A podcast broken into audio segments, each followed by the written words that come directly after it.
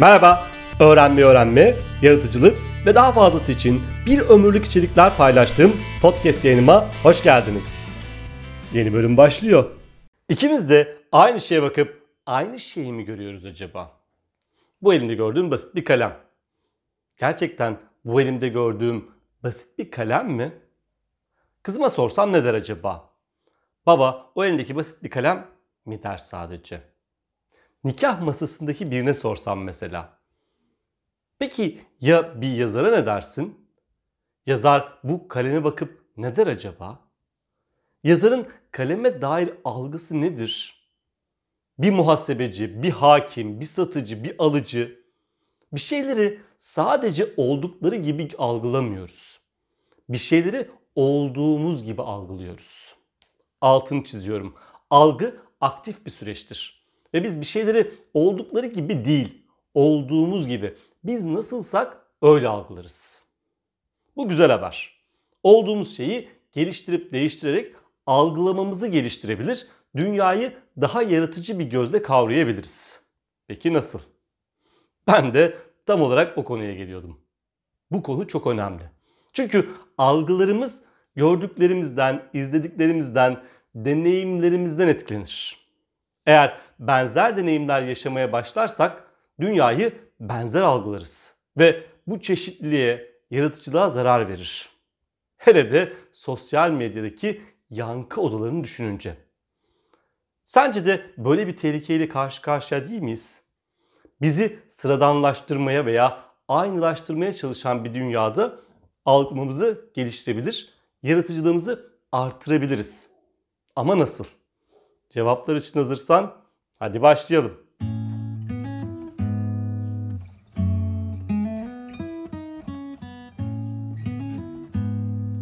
Çevrene bakarsan elbette görüş alanında pek çok şey var. Ama çok azını algılarsın. Kulağına pek çok ses gelir. Şu anda bile pek çok ses geliyor eminim. Ama sen bazılarını algılarsın. Derin bir nefes alırsın. Burnunun içinden pek çok koku girer ama sen o kokuların çok azını, belki hiçbirini algılayamazsın. Yani duyum ile algılamak farklı şeyler. Bakmak ve görmek gibi. O halde sırayla gidelim ve ilk olarak algı nedir diye bakalım. Zihnimizin belli başlı olaylar, olgular, nesneler ve kavramlar arasından seçimler yaparak işlediği ve öğrendiği her şeydir. Yani algı seçtiklerimizdir. Algı yaptığımız seçimlerdir. Sıradan devam edelim ve soralım. Zihnindeki algılar nasıl oluşur? Duyuların ve düşünleri, düşüncelerinle birleşen deneyimlerin bilinçaltı tekrar tekrar bir araya gelir. Böylece kendine ve bir duruma dair hislerin şekillenir. Kişisel olarak bir şey hakkında nasıl hissettiğin senin algındır ve çoğunlukla geçmiş deneyimlerinden etkilenir algıların. Yani duygu, düşünce ve deneyimlerin algını, algın da duygu, düşünce ve deneyimlerini etkiler. Tekrar edelim. Dünyayı olduğu gibi değil, olduğumuz gibi algılarız. Ne demiştik? Algılamak seçim yapabilmektir. Çok daha önce Viktor Frankl ne demişti? Tetikleyen ve yanıt arasında bir alan vardır. Bu alanda yanıtımızı seçme gücümüz yatar. Yanıtımızda da büyüme ve özgür olabilme ihtimalimiz. Senin dışındaki herhangi bir olaya nasıl yanıt vereceğin konusunda her zaman bir seçeneğin vardır.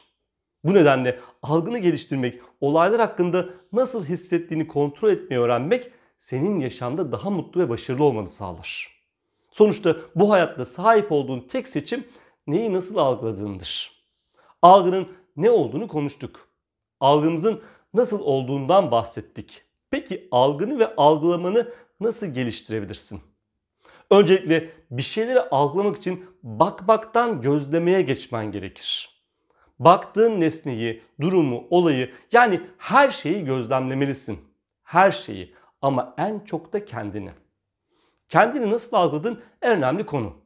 Olayları düşünme, yorumlama ve anlamlandırma biçimin sana özeldir. Senin deneyimlerin, inançların ve kişiliğin tarafından belirlenir.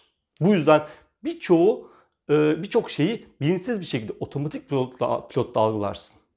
Baktın, gördün, yorumladın ve hop farkına bile varmadan bir yargıda bulunup karar verdin.